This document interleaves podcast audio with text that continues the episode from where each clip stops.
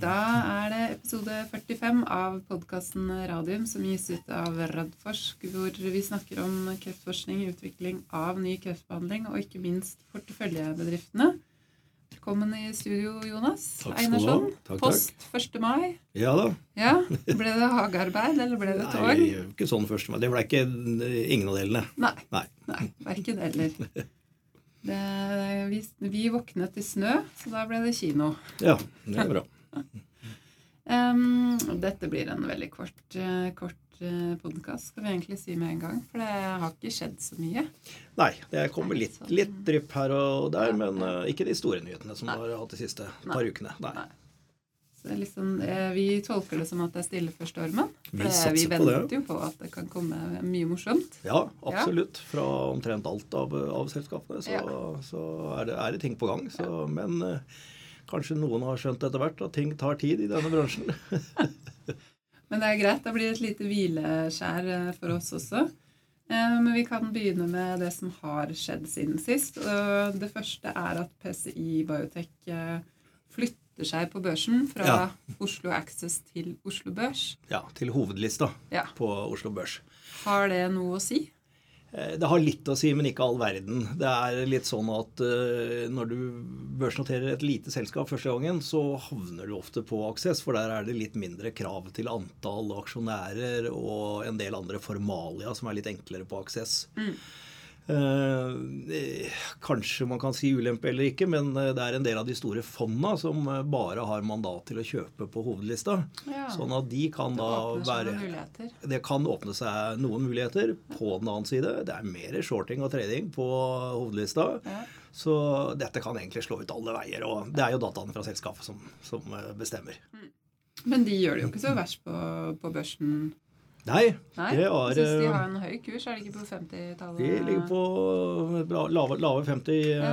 i dag, og ser jo litt sånn historisk på dette. Og da fra man på en måte tok beslutningen om å gå all in for eh, gallegangskreften, eh, og satse på at vi skulle få de riktige dataene der, det er vel jeg husker ikke, to-tre år siden. Da var Ja. kursen på syv, og nå er den jo oppe i 50. Så sånn sett, de som har vært med på den reisen, har jo fått en hyggelig reise så langt. ja. Eh, De skal legge fram sin eh, kvartals, eh, første kvartalsrapport eh, Ja.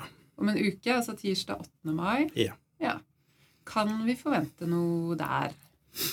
Ja, kanskje. Ja, for de Eh, pleier kanskje det? Ja, altså de, de er i hvert fall vært, eh, vært flinke en del ganger til å gi oppdateringer på prosessene de er i gang med. Og i dette tilfellet da forberedelsene til pivotalstudien. Eh, Så det kan godt være at, eh, at Per sier noe, Voldy sier noe om, eh, om den prosessen og hvordan den eh, ligger i, i løypa. Mm. Eh, Det er jo det vi venter på, Ja. for å se hva slags type studie Ja, det vet vi for så vidt, men, men hvor stor studien blir, Mm. lang tid det tar, og hva det vil koste. Ja, det er, Når de skal komme i gang også, eller, eller vil det være på et seinere tidspunkt?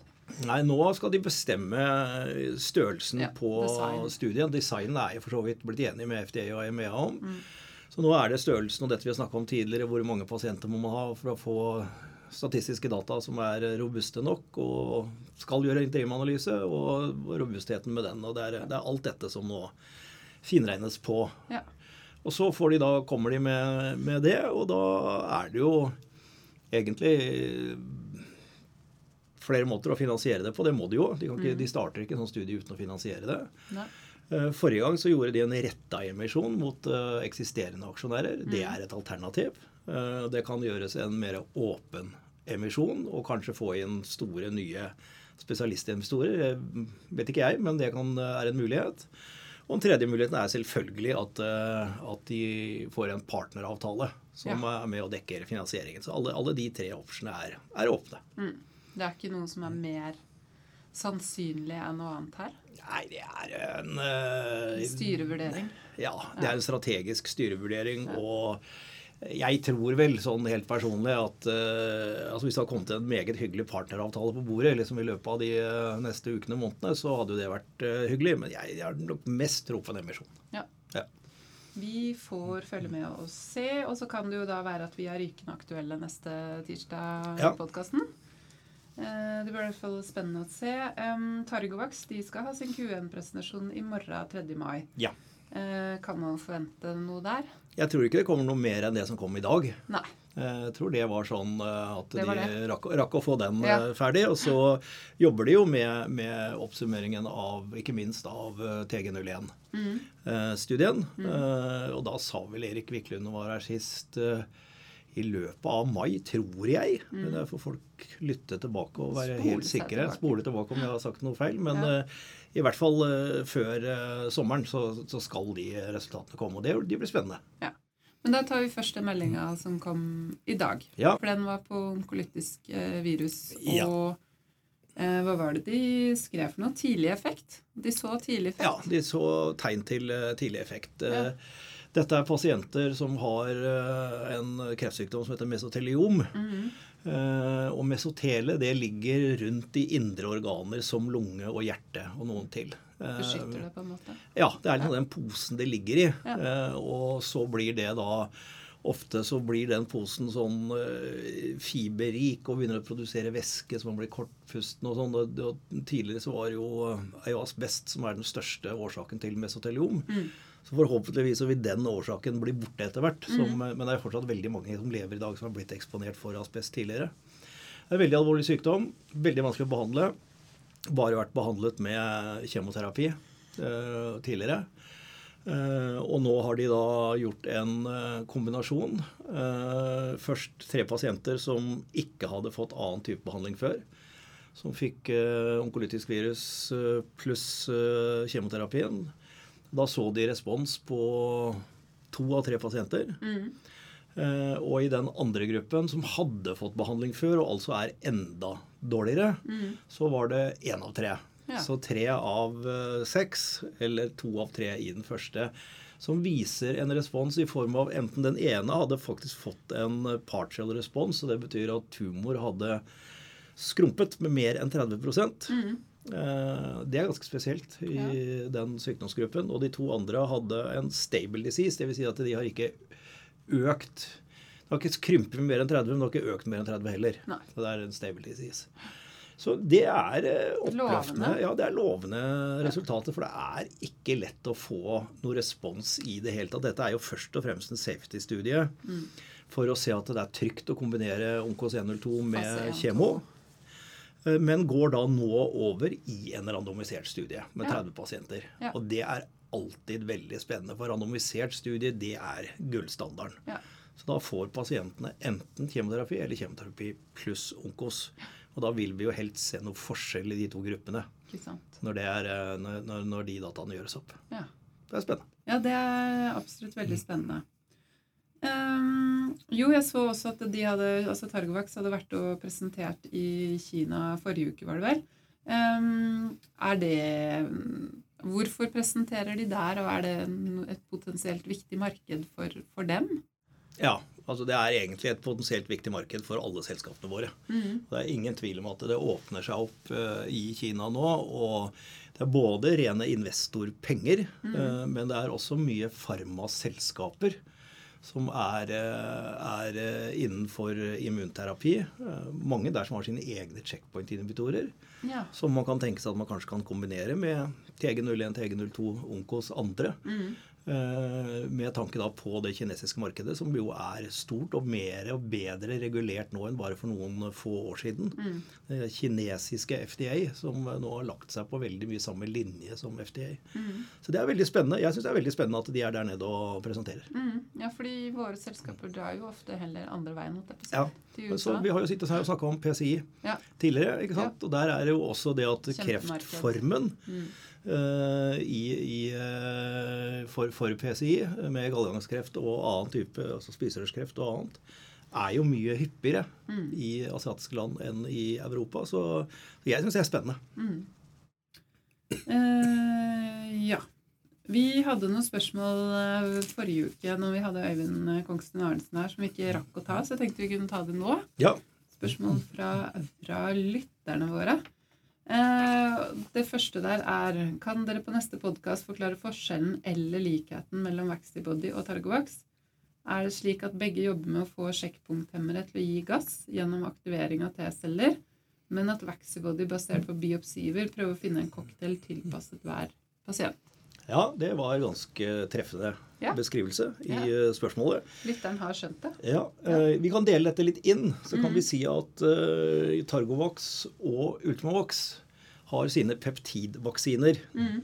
Og de angriper et mål som bare er på kreftcellene og ikke normale celler. Mm. Eh, telomerasen til eh, Ultimavax er i de aller fleste krefttyper. Mm. Og RAS-peptidmutasjonen til Targovax er i ca. 30% av alle krefttyper, men i mer enn 90% i uh, bukspyttkjertelkreft, som jo er Mm. de første.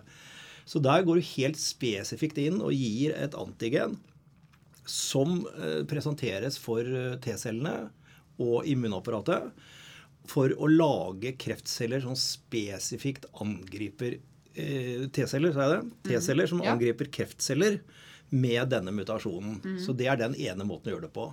Så har du onkolytiske virusene til eh, Targovax. Der sprøyter du inn disse onkolytiske virusene i kreftcellene. eh, Og skaper da immunogene responser som gjør at du setter i gang denne syklusen, eh, som er mer uspesifikk. Så har du Vaxibody. Og det er helt riktig som lytteren sier. Der tar vi en prøve fra pasienten, og så analyserer de og sekvenserer det.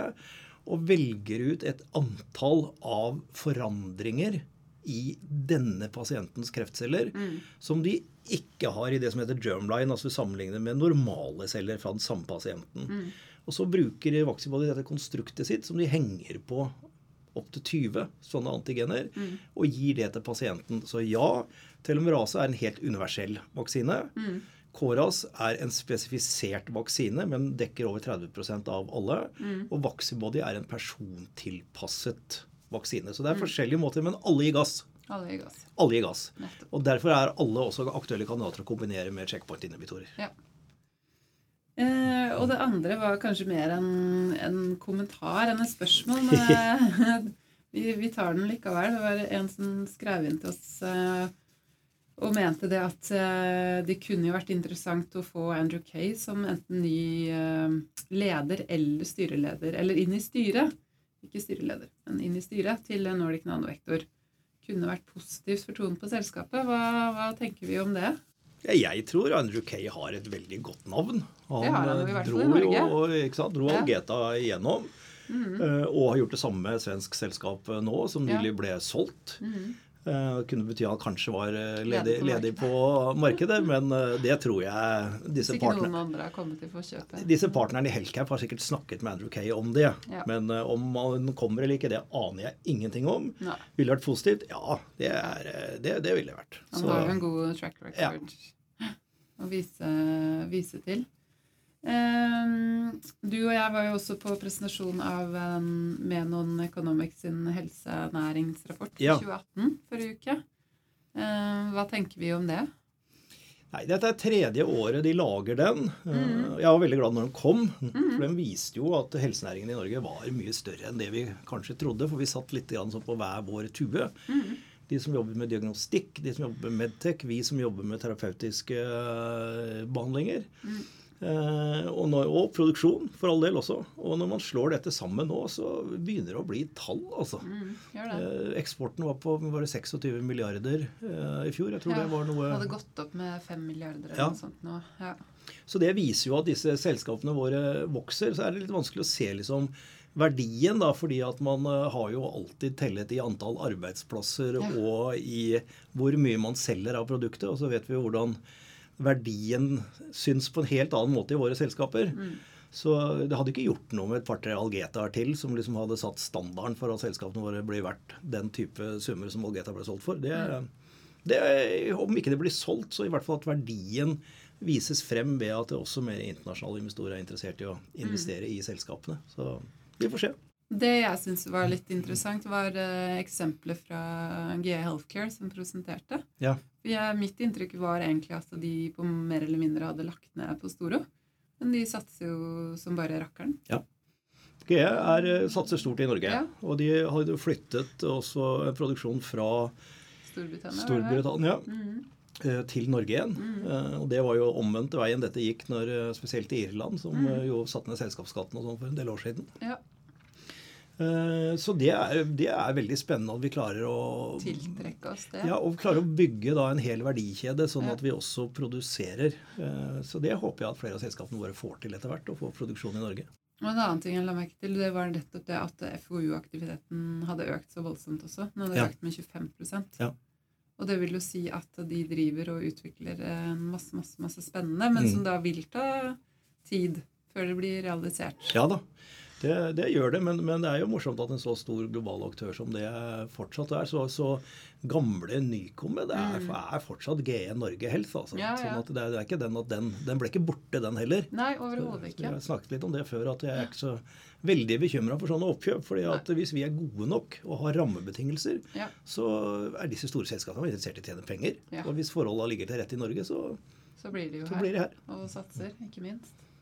Eh, men han statssekretæren fra Næringsdepartementet var jo der for å snakke så vidt om altså den stortingsmeldinga som Ja. både Nærings- og, og Helse- og omsorgsdepartementet jobber med nå for helsenæring. Fikk du noe ut av, ut av det han sa? Nei. Ikke jeg heller. Det var, eh, det var rimelig ullent. Det var liksom ikke at dette er noe som har utpekt seg av områder som skal satses på. Jeg tror de holder sånn korta litt tett til brystet før de kommer med, med meldingen. Mm. Ja. Eh, Og når den kommer, fikk vi jo heller ikke vite. Så Nei. Nei, neste år har jeg hørt. Ja. De samler inn nå, de skriver nå, så skal det ut på høring, og så er det neste år, altså Ja. 2019. Um, men han nevnte i hvert fall kliniske studier, og det er jo positivt. det er alltid positivt at det Ja. blir eh, nevnt. eh, Og det, forhåpentligvis så kommer det som en litt sånn klar marsjordre Ja. i eh, helsenæringsmeldingen. At det, det skal vi gjøre, og det skal vi legge til rette for. Så det, Mm. det håper jeg. Vi får se. Vi, vi er jo i gang med å planlegge um, Arendalsuka. Ja. Eh, Og vi prøver jo å få en, en podkast derfra om helsenæring. Forhåpentligvis med de, de dertil hørende ministerne. ja. Vi får se. Vi, Vi får, får se hvor, uh, om de har hørt, hørt på oss i det hele tatt og Ja, syns at det. det er interessant. Men uh, vi, gjør et, uh, vi gjør et ærlig forsøk, i hvert fall. Men jeg tenker at det, dette var det. Ja. Så er vi tilbake med i hvert fall innspilling eh, 8. mai, og så får vi se om det er noe nytt og spennende fra enten PCI sin eh, presentasjon eller no, noe annet. Mye kan skje. Mye kan skje. Ja, flott. Takk for i dag.